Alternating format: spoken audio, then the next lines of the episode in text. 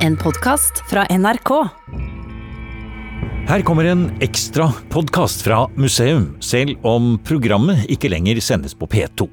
Siste program gikk lørdag 27.06.2020. Da hadde vi laget og sendt over 800 programmer siden starten i 2001. I det siste programmet nevnte jeg et besøk ved Lofotmuseet i 2004. Det var daværende museumsdirektør Alf Ragnar Nilsen som viste fram tuftene til Vågar. Og det er dette programmet som straks kommer her. Mange kjenner den glimrende historikeren Alf Ragnar Nilsen fra hans arbeid som foreleser og forsker ved høyskoler og universiteter i landsdelen, og som forfatter og redaktør for bindsterke historieverk om Nord-Norges historie og Norges fiskerihistorie. Men nå er det tørrfiskhistorien, Norges første by, Vågar og Lofotmuseet det skal handle om. Vi reiser tilbake til 2004 og en vakker dag på vandring i Lofotens historie. Jeg begynte i det siste nå å snakke om at eh, her lå Nord-Norges reelle hovedstad i bortimot 300 år. Vi er på Lofotmuseet like utenfor Svolvær. På de gamle tuftene av det Alf Ragnar Nilsen kaller Nord-Norges reelle hovedstad. Middelalderbyen Vågar. Jeg skulle bare fortelle litt ja. om den veien vi beveger oss etter nå. Professor Bertelsen han kaller det for Nord-Norges eldste vei. For den har gått akkurat her i 1000 år. Og de historiske sporene her går enda lengre tilbake. Beviset på det fant man ganske nylig i en hule like i nærheten av museet.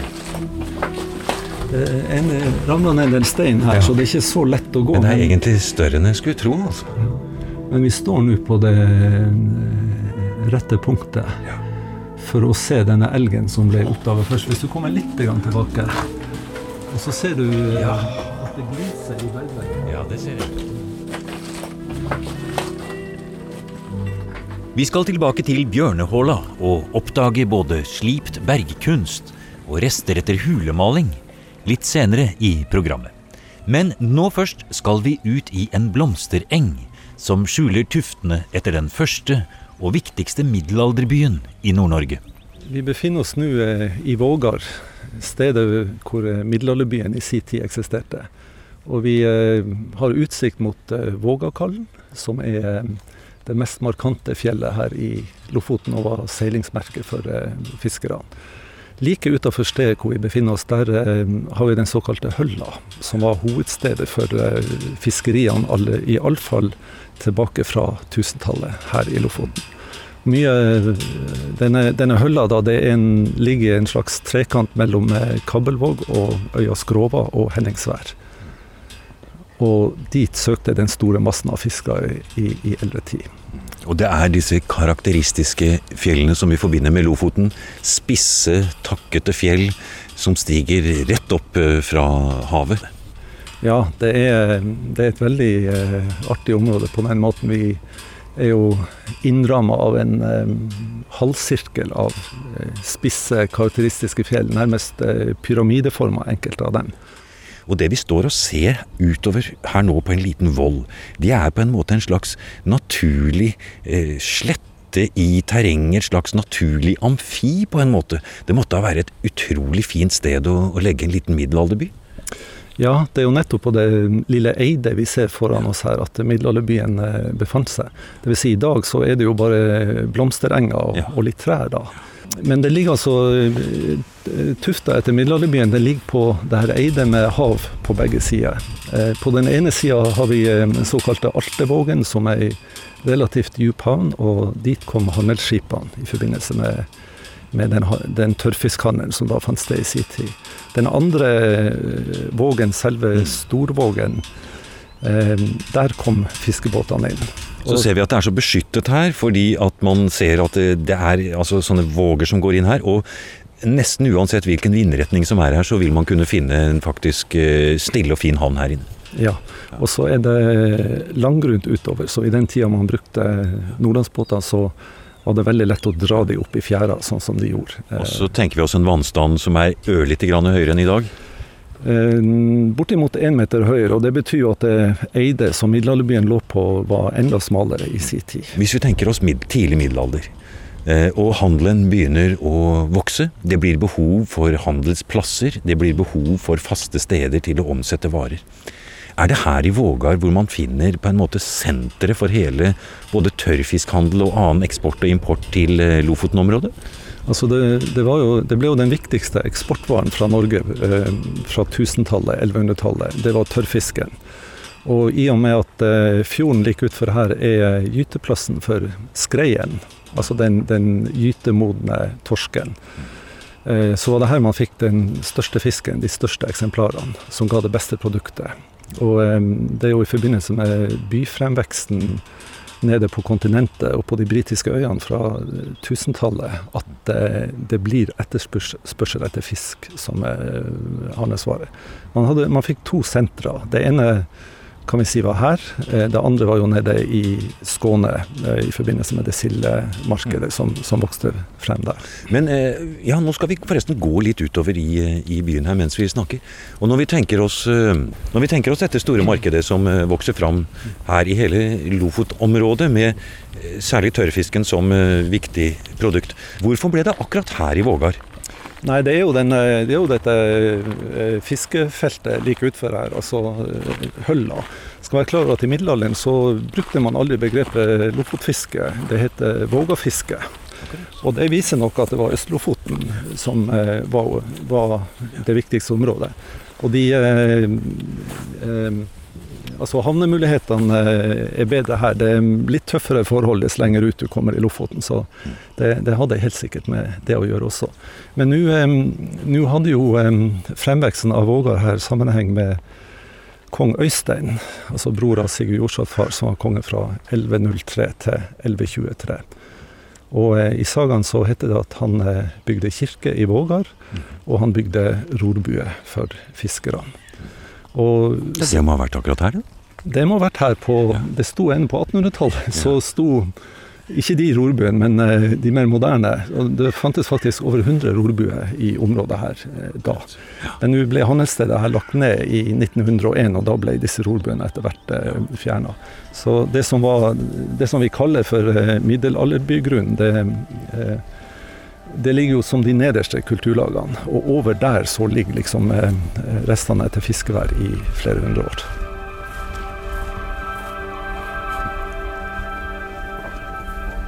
Vi går på historisk grunn i Vågar sammen med Alf Ragnar Nilsen, som forteller om at bare en liten del av området er arkeologisk undersøkt.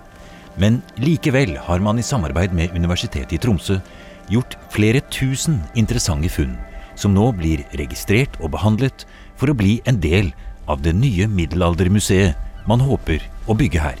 En annen ting, altså, Det er jo ikke bare arkeologi det handler om. Eh, eh Ca. halvparten av eh, det skrevne materialet, altså brev og dokument fra Nord-Norge i middelalderen, er datert her i Vågar. Og det er veldig ofte stormenn sørfra som er her. Eh, hertug Skule var f.eks. Og eh, det var vel en fire eller fem erkebiskoper som vi har skriftlig opplysning om besøkte handelsstevnet her oppe. Og de var jo interessert da i de inntektene, de avgiftene de, de fikk av fiske. Det var faktisk sånn at etter en skipene av kong Olav Håkonsson i 1384, så skulle så skulle alle i Hålogaland og Finnmark gjøre sin handel her. Altså De skulle komme også fra Finnmark til Vågar og omsette tørrfisken her. Så her møtte det da opp eh, handelsmenn fra alle mulige kanter. Islendinger har vi også opplysning om, som var og handla direkte. Det er egentlig veldig flott å, høre deg fortelle om dette, Nilsen. For når vi går her i dette vakre, flotte, klassisk vakre Lofotlandskapet her, så vet vi at dette var egentlig selve hjertet av Hålogaland, faktisk. Med et eh, tvangsmessig marked, som du sier. Fra hele, hele landsdelen eh, ble handelen altså kanalisert gjennom disse jordene og denne flotte vollen med blomster på som vi ser her, mellom to flotte fjordarmer, to våger, slik at det da heter Vågar. Her var det. Ja. Altså jeg, bruker, jeg begynte i det siste nå å snakke om at eh, her lå Nord-Norges reelle hovedstad i bortimot 300 år. Det var jo ikke bare handel, men det var også det sentrale tingstedet. Og i og med erkebiskopen og presteskapet sin aktivitet, så ser det ut som det har vært det geistlige eh, hovedstedet også.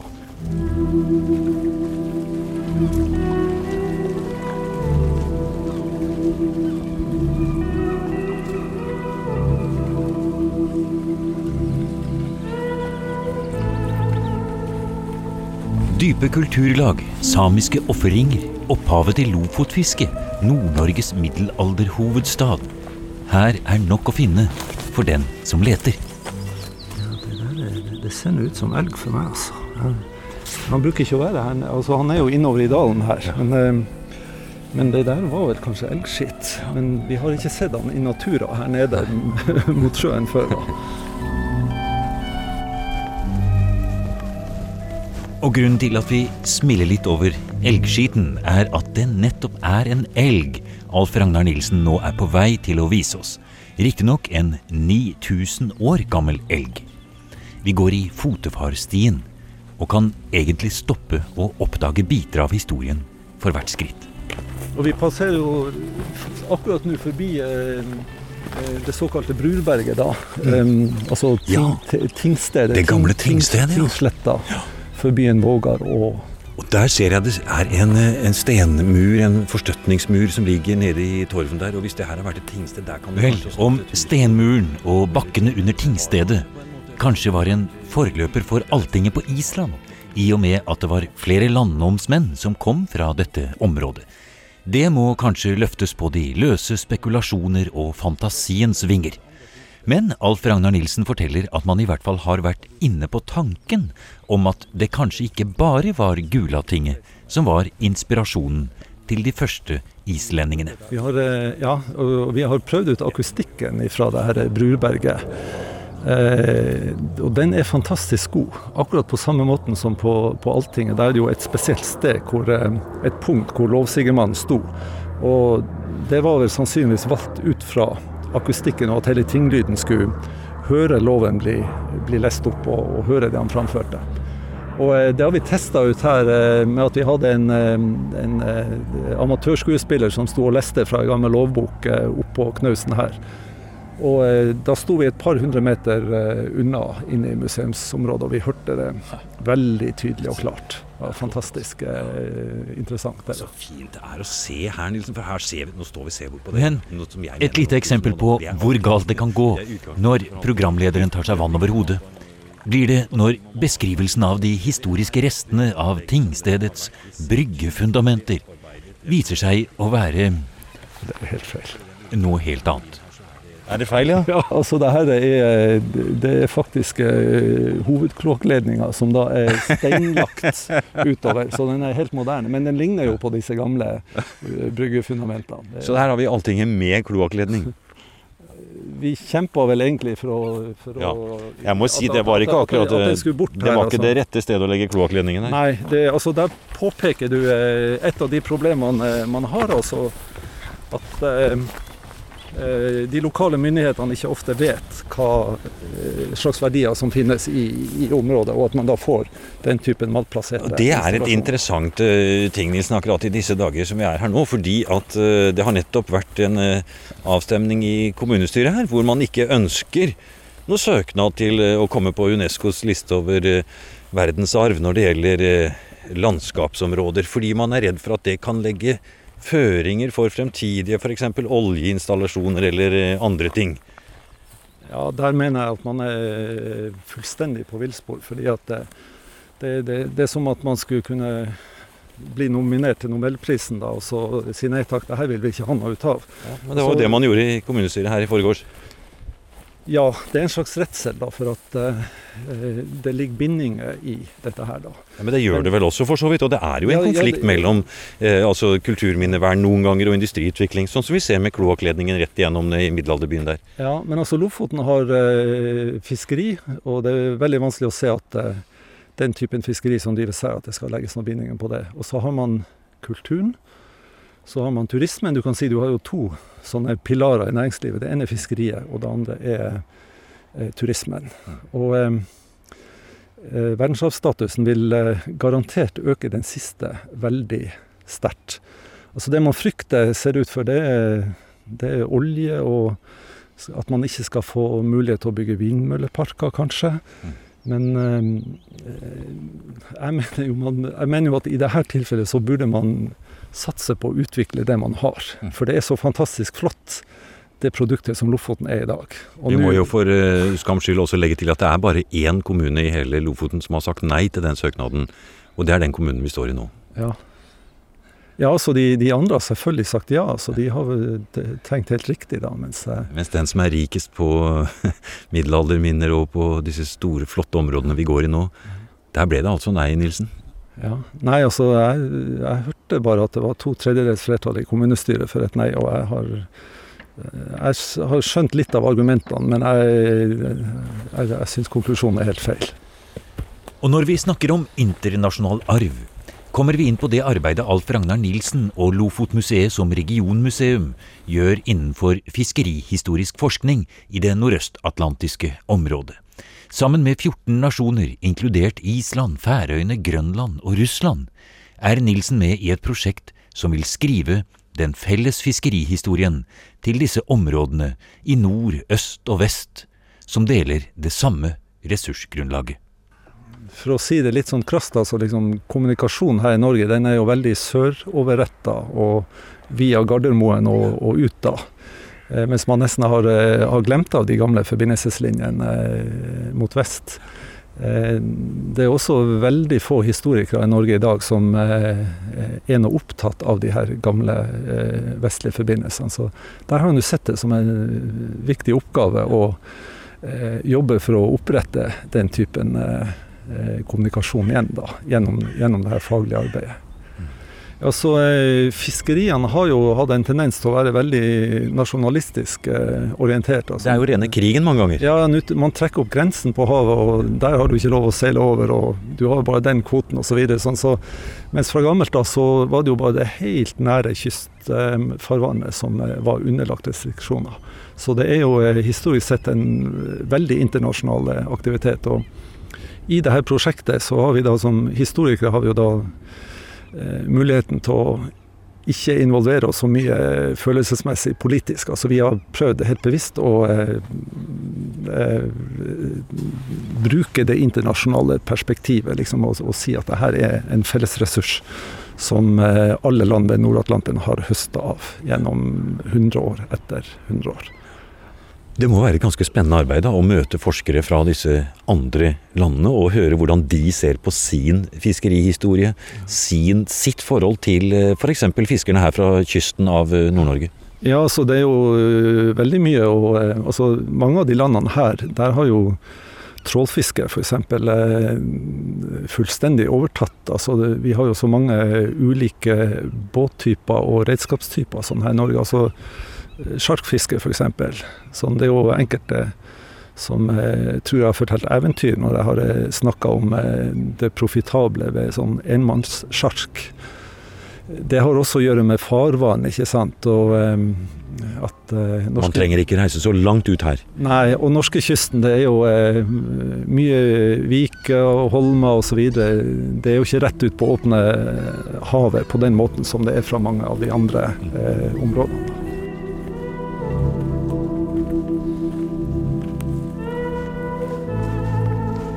Og det tradisjonelle sjarkefisket, eller kombinasjonsbruket, som snart er en saga blått også her i Lofoten, får vi et arkeologisk eksempel på rundt neste sving i Fotefarstien. Vi møter arkeologen Eline Holdø, som rekonstruerer fundamentet til et middelalderhus som har stått her i strandkanten. Det har vært torvhus, sannsynligvis med et reisverk av tre inni. Mm. Og med ei dør og sannsynligvis ingen vinduer.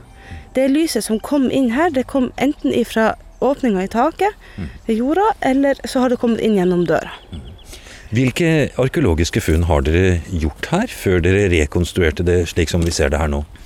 Det var en hel del rester etter, etter husholdninger og etter daglig arbeid. Eh, med, med keramikkskår og en del jernnagler og den slags søppel og skrot som har ligget her. Men vi har også funnet en del fine gjenstander som de har hatt. De har hatt eh, bl.a. en gjenstand i, i eh, kobber, eller bronse, som vi tror kanskje har vært en lysestake. Eh, den har tre hoder, hjortehoder, tre forskjellige, som pynt på. Eh, og vi har aldri funnet noe lignende. Huset er jo ikke direkte stort, og det er, et stort uh, ildsted i den eh, ene enden, kanskje. Og hvor, hva, hva, tror vi har vært Hvor mange kan ha bodd i et sånt hus som dette? Det har nok bodd en, en relativt liten familie her. Mm. Uh, men vi tror ikke at de har gjort mesteparten av arbeidet sitt innomhus. Nei. Sånn at de har ikke behøvd å være så store for å huse flere mennesker enn det vi ville tro i dag. Mm. Uh, vi har et ildsted i den ene enden, og i den andre enden så er det noe som vi tror kanskje er en kjeller. Ja. Som har hatt tilgang utenifra. Det er den vi står og ser på her nå. Det er en slags eh, jordkjeller, ja. ja. Hvor man kan oppbevare eh, ting kjølig, selvfølgelig. da. Ja. Vi tror nok at de har oppbevart eh, melk i hovedsak her. Eh, fordi at det må oppbevares kjølig om sommeren, og det må mm. oppbevares uten frost om vinteren. Ja. Så det er en eh, bondegård vi ser her, da. Ja, vi tror det. Det har bodd en del mennesker her. De har nok hatt husdyr. Uh, men med den skrenne jorda som er her, så tror vi at det må ha vært vanskelig å drive jordbruk. Det er mulig at de som har bodd her, har hatt uh, tilknytning til fiskeværet i, i Storvågan. Ja. Uh, og hadde For det er jo ikke mange hundre meter unna her? Nei, det er Nei. ikke det. Det er ikke lange betten å gå. Nei. Sånn at vi tror kanskje de har hatt næring der, ja. i tillegg til det de har hatt her. Her har vi den, det klassiske kombinasjonsbruket. Ja. Det er nok det vi ser spor av. Det er mulig at det har vært ei samisk bosetting her også. Ja. At de som har bodd her, har vært samisk og hatt tilknytning til fiske i Storvåga, i den gården her. Og nå forlater vi middelalderen her i Vågar. Vi skal tilbake til stenalder og bronsealder. Og da må vi opp gjennom skogen til en mange tusen år gammel strandlinje. Vi går nå faktisk eh oppover den gamle marbakken, som vi sier. Eller Havbakken, da. Ja. hvis du stopper litt Ja, nå skal vi stoppe her. Vi er på vei ned i hula her. Ja, nei, du skjønner at Skal her? Ja. Før vi går videre, så må ja. du se på denne bjørnefiguren her. Det ser ut som det, er ja. det er til og med noen som har hogd inn noe ekstra. Så vi, vi er nå begynt å kalle denne her for bjørnehula. Ja. Eh, det her var vi ikke oppmerksom på i begynnelsen. Vi ble vel egentlig helt overbevist da vi, da vi så at det var hogd inn et Nå peker du ned på scenen her, og vi ser en sirkel, ja, som er eh, Og det er øyet til bjørnen. Ja. Så tror den ikke gikk under betegnelsen av bjørnehula i steinalderen også. Ja. Nilsen forteller at det var nærmest ved en tilfeldighet at de helt unike fornminnene som skjuler seg i denne hula, ble oppdaget i 2001. Sammen med professor Reidar Bertelsen ved Universitetet i Tromsø og fire arkeologistudenter gikk de innover i Bjørnehula. Et ganske stort, halvmørkt og svakt skrånende rom som er dannet av store stenblokker som ligger inntil bergveggen.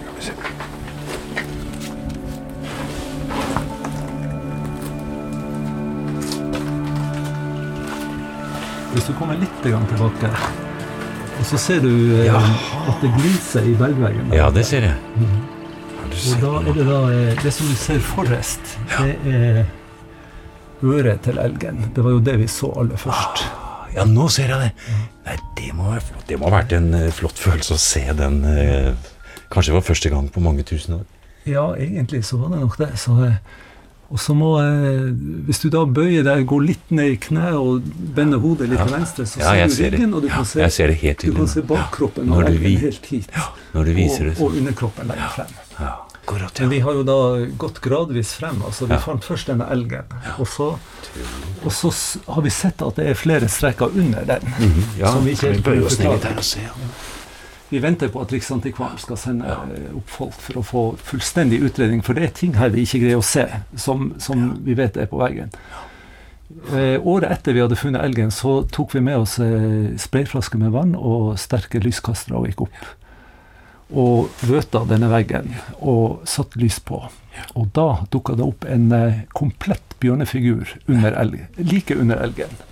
Og en halv bjørnefigur bak den igjen. Den eh, når vannet tørka opp etter et par minutter, så forsvant det. Mm. Spraya vi på igjen og holdt på å si, fremkalte bjørneånden fra, fra steinalderen. Eh, det, var, det, var, kanskje den mest eh, spesielle opplevelsen, å, å, greie å få frem den igjen da. Og så oppdaga vi etter hvert at eh, det er noen sånne rustrøde felt innimellom et par menneskelige figurer, dyrefigurer. Men det som er de viktigste hellemalingene, de er da 10-15 meter lenger opp mot den andre eh, inngangen. Nå skal vi gå litt forsiktig opp der også. Det var, det var utrolig flott å komme inn her. Du ser her, ja, der. så ja. dukker det opp noen brede, røde ja. Eh, striper her. De har ikke vært malt med noe sånn tungpensel akkurat. Nei. Eh, og det her er da ryggen til et dyr, tyder alt på. Ja. Og så Runde stav der, ja. Og så kan det se ut som det er noe gevir. Ja, så Ser ut som det skulle vært Jeg skulle til å si en rein eller noe, ja. en elg, kanskje. ja. Antagelig, antagelig ja. rein eller elg. Og så går det nå oppover her. Og her har vi også Her er figurer. Det, da begynner det å minne mer om mennesket. Her ser vi sirkelformet uh, ja. Det her er kanskje en, en menneskefigur med, med, to armer.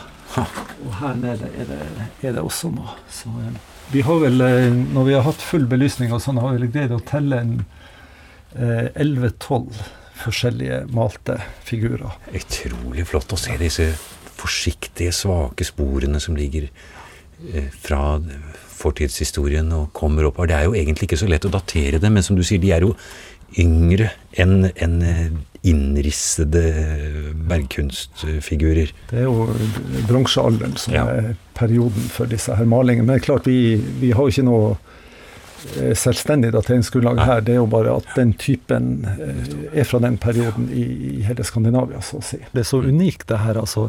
Mm. For det første er det jo ingen andre eh, kjente steder hvor man har eh, slipte helleristninger, eller helleristninger i det hele tatt, og hellemalinger sånn på de samme bergveggene. Eh, for det andre så er det jo ei stor sjeldenhet at eh, helleristninger finnes i ei hule. Ja, altså, altså hellemalinger ja. finnes i hule, men det er vel ikke noen andre steder i Skandinavia hvor, hvor, eh, hvor vi har helleristningen i ei hule. Så de to tingene gjør dette til et helt unikt sted. Det er ikke et hvilket som helst felt. Du har nå hørt en podkast fra museums nedlagte arkiv. Programmet opphørte i P2 i juni 2020. Dette programmet var fra 2004, og programleder var Øyvind Arntzen.